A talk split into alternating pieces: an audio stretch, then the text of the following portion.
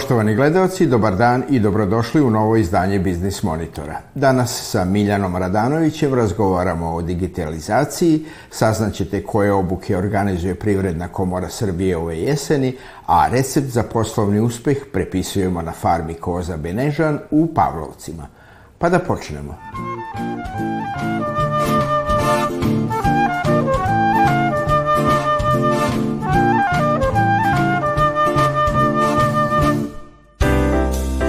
Ukupno je prošle godine u Srbiji više od 13.000 malih preduzeća predalo godišnje financijske izveštaje. Njihov broj uvećan je za 7,2% na godišnjem nivou. Mala preduzeća su 2022. godine sa zbirnim neto rezultatom poslovanja od 168,8 milijardi dinara učestvovale sa gotovo 20% u ukupnim rezultatima domaćih kompanija. U isto vreme, sa 333.356 zaposlenih, firme ove veličine doprinele su sa 26% u celokupnoj radnoj snazi u privrednim društvima. Srbija je za 8 meseci 2023. godine izvezla 964 tone meda za 4,5 miliona evra, što je za trećinu manje u odnosu na 2022. godinu. Najviše meda plasirano je na tržište Norveške, Italije i Crne Gore. U tom periodu uvezli smo 219 tona za 600.000 evra, 54% manje nego u isto vreme prethodne godine. Najviše meda se uvozilo iz Rusije, Novog Zelanda i Grčke. Proizvodnja meda u 2022. godini iznosila je 14.228 tona, što je za 91% više nego prethodne godine.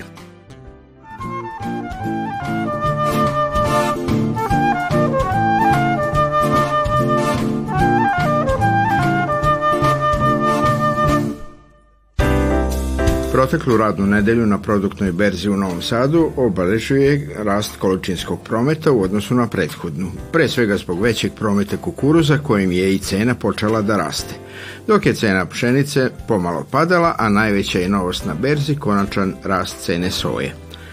Kada je reč o svetskom tržištu, u protekloj nedelji blago je rasla cena osnovnih žitarica na Čikaškoj i Pariškoj berzi. Na kraju protekle poslovne sedmice na Beogradskoj berzi ostvaren je nešto veći promet nego prošle, a oba berzanska indeksa i dalje su bila u padu. Krajem protekle berzanske nedelje u svetu i američkoj lakoj nafti i severnomorskoj nafti nastavila je da raste vrednost. Svi najznačajniji plemeniti i bazni metali kojima se trgovalo u svetu osim bakra zabeležili su i protekle nedelje rast vrednosti.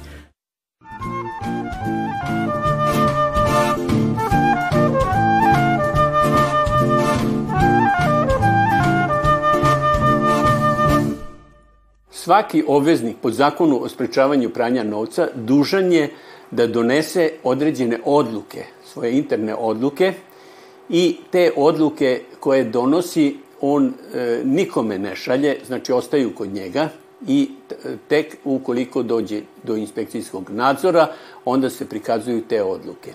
Od odluka koje imamo, imamo odluke o indikatorima za, preko kojih se utvrđuje da li postoji sumnja za, za pranje novca i ti indikatori su uglavnom e, definisani i predloženi od strane uprave za sprečavanje pranja novca ili određenog nadzornog organa, na primjer za nekretnine, to je e, Ministarstvo trgovine, i, ili za menjače, to je Narodna banka Srbije. Tako da ovaj, ti e, indikatori su već unapred predviđeni, a mi kao obveznici možemo još dodati određene indikatore. I mi smo kroz te, znači moramo doneti tu odluku i e, kasnije e, sve naše klijente provući kroz te indikatore. To su obično pitanje i odgovor da, ne. I ukoliko ima veći broj da, određeni broj da, onda postoji sumnja i tako klijenta treba pratiti ili malo veću pažnju. Dalje donose se indikatori o o, o aktivnostima koje ukazuju na finansiranje terorizma. To su indikatori koji se sastoje iz jedno 15 indikatora i imaju određeni broj. I ukoliko se desi da je naš klijent koji, koji, sa kojim mi sarađujemo, e, ukoliko se ukoliko se desi da, da, da je naš klijent e, neku aktivnost preduzeo koja je predviđena tim aktom, u tom slučaju mi smo u obavezi da odmah obavestimo upravu za sprečavanje pranja novca da se desila ta i ta aktivnost i dalje postupak sprovodi sama uprava za sprečavanje pranja novca. Ovaj indikator redko kad je u upotrebi i maltene, maltene neće ni, nikad ni biti, jer, jer faktički onda bi u stvari trebao da bude neko ko finansira terorizam, pa da je naš klijent i da ga konstatujemo.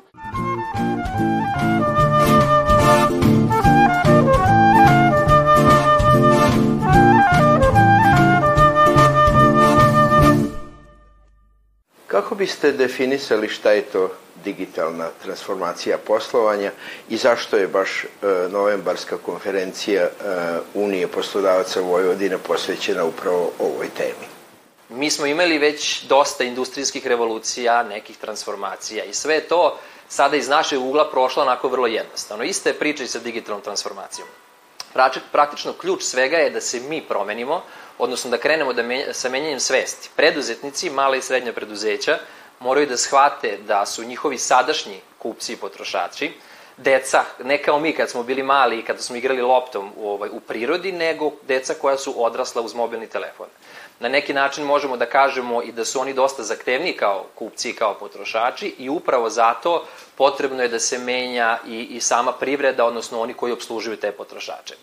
Upravo to i jeste ovaj, a, tema i digitalna transformacija kao takva počinje iz glava a, pre svega menadžmenta, vlasnika biznisa, da prihvate promenu i da pristupe novom načinu rada i novoj metodologiji upotrebom baš tih novih tehnologija, a zatim da to sve prenesu na svoje zaposlene i onda da naprave jedan novi koncept od promene a, načina razmišljanja, promene a, poslovnih procesa, boljeg pristupa i bolje komunikacije sa, sa potrošačima. To u stvari jeste ključ svega digitalne transformacije, bolje razumevanje, bolji pristup i bolji odnos sa krajnjim kupcem. Pošto je digitalna transformacija kao mantra se ponavlja i svi znaju da je to nešto što treba da se uradi, da to je sad što bi rekli buzzword u svetu, mi sada a, moramo i u Srbiji da izvršimo te promene kako bi ostali konkurentni sa, sa ostatkom sveta. Zato je Unija poslodavaca Vojvodine i prepoznala da je svim kompanijama, malim i srednjim preduzećima, zanatlijama potrebna ta transformacija, a Unija ima resurse unutar same Unije kako to da sprovede, ima konsultante, ima uspešne kompanije koje to rade i voljna je da to svoje znanje, da znanje kompanija članica, prenese i na druge članice i zato organizuje prvi edukativni seminar, odnosno konferenciju koja je 2. novembra u Novom Sadu. Kolika je kod preduzetnika svest o potrebi svekolike digitalizacije poslovanja, a koliko u tome ima e, čisto ljudskog otpora i straha od nepoznatog? Kada pričamo o svesti za promenom i potrebu za digitalnom transformacijom, možemo da kažemo da deklarativno svi preduzetnici, male, srednje preduzeće, sada kažu da, svesni smo da moramo da se menjamo. Ali to i dalje deklarativno. Kada dođe do momenta promene, tu naravno nastaje otpor ka promenama, jer u prirodi čoveka je da ima strah od promene i tu dolazi do otpora. I to otpor do, do otpora dolazi ne samo kod zaposlenih, nego i vlasnici kompanija, a, management, koji kažu da mi hoćemo promene, mi smo spremni. Kad dođe moment da se oni menjaju, onda to ide malo sporije. I upravo tu je taj prvi korak koji mora da se uradi, da se premosti, što bi rekli, da se prezupči taj prvi korak, da a, se sa vlasnicima biznisa i menadžmentom razgovara, da im se objasni šta treba da rade, na koji način da izvrše tu unutrašnju promenu, kada se to uspostavi, kasnije proces ide jednostavno. Čini se da digitalna transformacija najtemeljnije menja odnos kompanije prema a, kupcu. Jer potrošač više nije samo deo ciljne grupe, nego jedan umreženi partner kompanije. Ranije je to bilo ovaj, da se tražile neke targetne grupe, da se stavljaju pod isti kalup što veći broj ovaj, uh, određenih grupa i onda da se za njih prave određeni proizvodi, međutim to je sada prošlost. Kako ovaj, se i naravno ovaj, društvo razvija, kako dolaze nove generacije, njihove potrebe su sve veće i veće, kao što su naše potrebe bile veće od potrebe naših roditelja, dedova i ostalo, tako isto i nove generacije imaju i veće potrebe i veće zahteve. I samim tim više ne postoji opcija da mi, odnosno da bilo ko ko proizvodi ili pravi neku uslugu, radi to za široke narodne masle i za grupe. Sada mora da se radi usmereno i ciljano, laserski precizno, ne kao nekada što bi rekli ovaj, kao da se puca sačmarom puškom, nego sad ide snajperom. Da bi se to postiglo, E tu je sad ključ, da bi mi mogli da čujemo sve naše potrošače, da bi mogli da ih razumemo, da bi mogli da komuniciramo sa njima, moramo da menjamo pristup poslovanju, ne samo pristup proizvodnje i davanja usluga, nego prikupljanju informacija. Jer ključ je sada u podacima. A mi da bi mogli da prikupimo podatke, da ih na adekvatan način obradimo i da zadovoljimo potrebe naših kupaca, moramo da imamo spreman sistem, moramo da imamo infrastrukturu za to. Sve veća količina dostupnih informacija je jedan od ključnih elemenata ove digitalne transformacije. Kako da e, menadžer prepozna šta mu od svih tih dostupnih e, podataka uopšte treba? Mi jednostavno nismo stvoreni da obrađujemo tu količinu podataka. I šta to onda znači? Da mi moramo da napravimo sistem, svaka kompanija unutar, unutar svojeg poslovanja mora da napravi sistem kako da prikuplja podatke, kako da ih obrađuje i kako da koristi i gleda samo relevantne podatke za poslovanje. E, to je ono što je u principu teško. Nemoguće je da mi kao ljudi obrađujemo sve te podatke, zato koristimo naprednu tehnologiju, zato već postoje ustaljeni procesi procedure, postoji tehnologija, kako se to radi, na nama je samo da shvatimo i to da primenimo i da pustimo u stvari da tehnologija, tehnologija radi za nas, a ne protiv nas.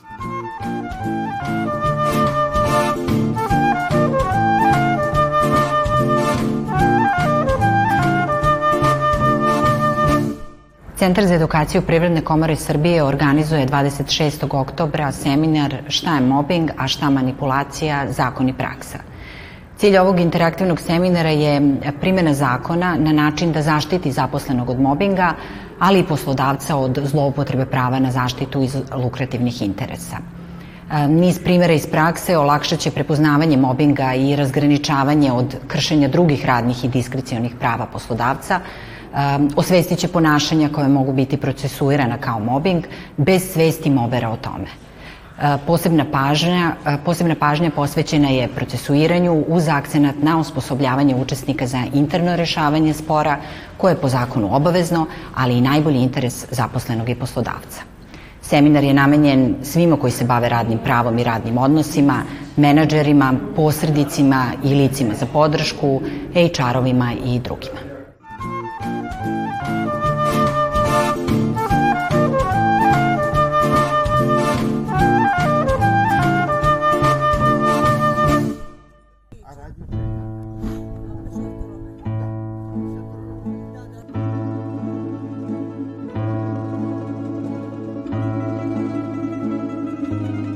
Kada je porodica Benežan pre deseta godina napustila Novi Sad i sve pogodnosti gradskog života, znali su samo da žele da imaju farmu koza, a da je za to potreban pašnjak u blizini.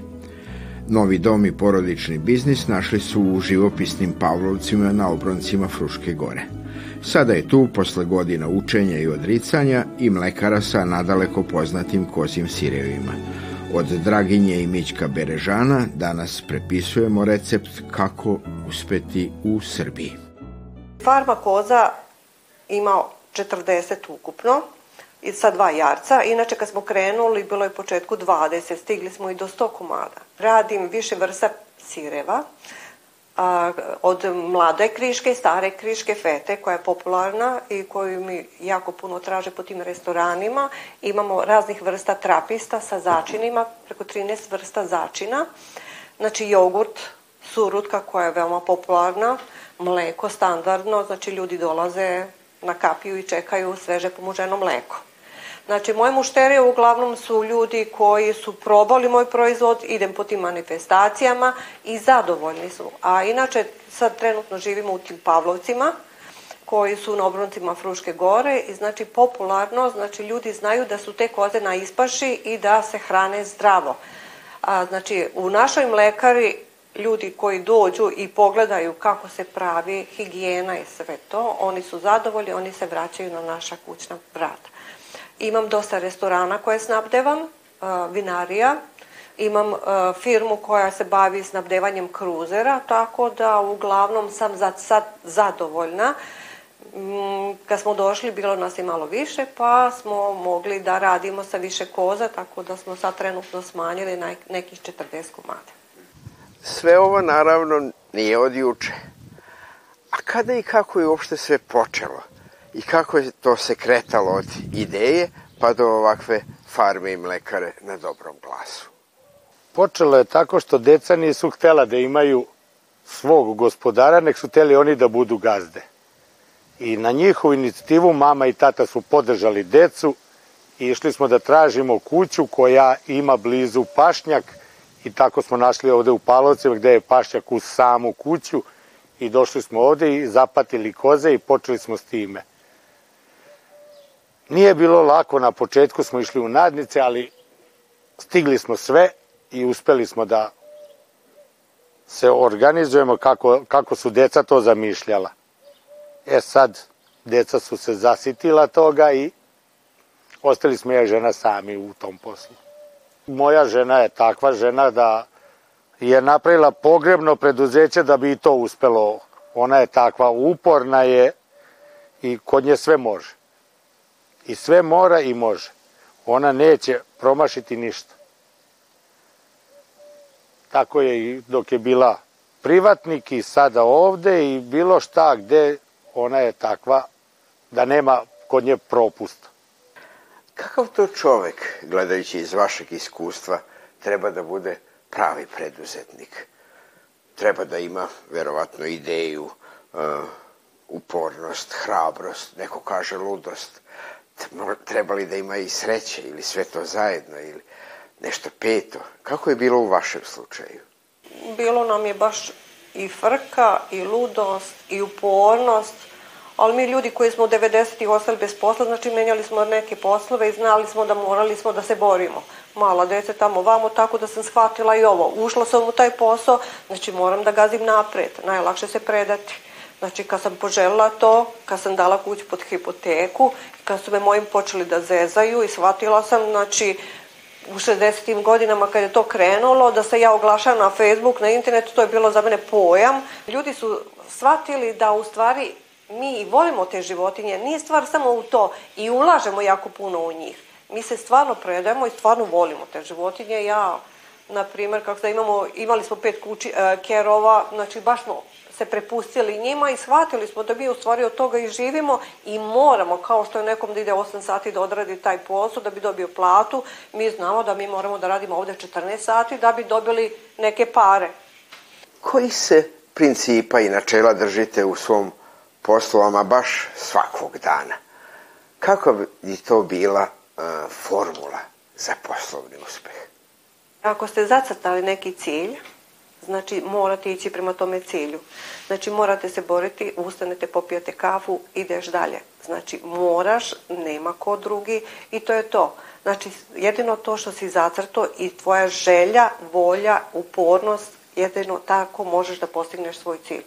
Po meni znači, smatram da sam bik, veoma opasan bik, i tvrdoglav bik i ispaštam u tome verovatno, ali mislim da nisam takav tip osobe da ne bi ni postigla ovo što sam do sad postigla. Znači, samo borbenost i samo napred. Znači, ne sme se gledati unazad, ne treba obraćati pažnju, e, imao sam. Idemo dalje. Znači, bilo je tu štete, bilo je grešaka, bilo je tu mnogo, mnogo grešaka, ali samo upornost, rad i to je to. Formula za poslovni uspeh je taj, ako taj posao koji radiš, voliš, to će biti uspešan posao. Bilo čime da se baviš metalstvom, e, televizijom, ako voliš taj posao, bit ćeš uspešan. Ako ne voliš, džabet je. A ovde zavoleli smo stoku, zavoleli smo te koze i kerove puline koji čuvaju, tako da ide kako je kako smo smišljali. Šta je u vašem poslu najteže, a šta opet najlepše? Najlepše mi je druženje s kozama. Znači, sam proces muže, e, teranje na pašnjak, maženje, jarenje. Sam, najlepše mi je, znači kad su jarići u pitanju, kad kreće jarenje i njihova igra, tad mi je najlepše. Najteže mi je kad se naradimo, e, stvorimo sir, robu, ovo, ono i kad to ne možeš da, nemaš vremena da stigneš i da ideš i da prodaješ i da se prepustiš znači i u marketički deo i to. Samo mi je to teško, ništa drugo. Ko šta iz porodice Benežan radi na ovom gazdinstvu? Ko je za šta zadužen, a za šta zaslužen? Trenutno se ispomažemo, tu smo, znači zajedno idemo i na mužu i na pašu, oko hrane, vode, sipanje, šta ja znam. Moja je mlekara, znači kad ja odem na pašu, tu je on, mušterija kad dođe, dođe da može da ga posluži i tako. Uglavnom, on ide na pašnjak, ja ulećem ponekad i to je to. A inače, ovaj, kako se zove, mlekara je na meni. Znači, sama proizvodnja mleka, sira, vakumiranje, deklaracije, sve što treba, prodaja, to je moje, znači, mušterije i tako. Kako je uopšte biti preduzetnik u Srbiji danas? Šta vam je u tome lepo, što ste sam svoj gazda, a šta vam najviše smeta? 2006. Ovaj, kad sam otvorila taj lokal, bila sam preduzetnik, trgovina je bila u pitanju, isto porodični posao, znači bilo je tu isto napeto, rad, rad, rad, mušterije, mislim, gde god radi porodica cela, gde se čovek predaje, jako je teško. Znači, može reći ko šta kod hoće da je to lepo, nije lepo. Po meni, ne znam. Rasporediš svoj tempo rada, ko će kad raditi, šta će raditi, znači, samo što je taj posao kad radiš za sebe, znači nema određeno radno vreme. Dok ti kad si zaposlen, odradiš 8 sati, 10 sati, ideš kući, posvetiš se sebi, svoje porodici, to je to. To je prednost, na primjer, kad radiš kod nekoga, ali kad radiš za sebe, sasvim normalno da je i prednost što ti, znači, sam sebi možeš da rasporediš i radno vreme, ali ipak kad ti kreneš i da bi državu obezbedio, ti mnogo, mnogo moraš da radiš, pogotovo što država ima svoj cilj i to je to. I na kraju biznis monitora mi uvek pitamo svoga domaćina šta je za vas poslovni uspeh, a šta lična sreća? Pa poslovni uspeh kad vidiš rezultate iza sebe. Poslovni uspeh, znači ta tvoja istrajnost, ta upornost i stvarno kad kažeš i kad ljudi te spomenu i kažu ova porodica Benežan je postigla. I kad kažu um, da redko ko iz grada ko je došao, da je uspeo tako da bude uporan i da postigne svoj cilj, krenuo je od nule, neiskustvo, znači baš nikako iskustvo nismo imali, samo rad. Znači od početka, znači nema stida i fizikalac, i radili smo i u nadnicu, znači i učili smo od drugih i krali zanate, dosta gledali taj internet i samo s ljudima i što više poznanstava i što više veza, preporuka, ali smatram samo kvalitet i ljubaznost da može nešto postići ovde. I smatram da sam uspela i smatram da sam sretna zbog toga što i deca vidim da su ponosna na mene i ovaj, to mi je najvažnije. Poslovni uspeh je taj što ne zavisiš od nikoga, nego samo od sebe i od svog rada. Lična sreća, još da mi je i onaj drugi sin ovde, bilo bi da smo svi na okupu, cela porodica u jednoj kući. E, to bi bila lična sreća. To je sve što smo vam pripremili za ovaj put. Sa novim pričama iz sveta male privrede vidimo se na istom mestu za sedam dana. A dotle pišite nam i sugerišite koje teme da istražimo za vas. da Eugênia.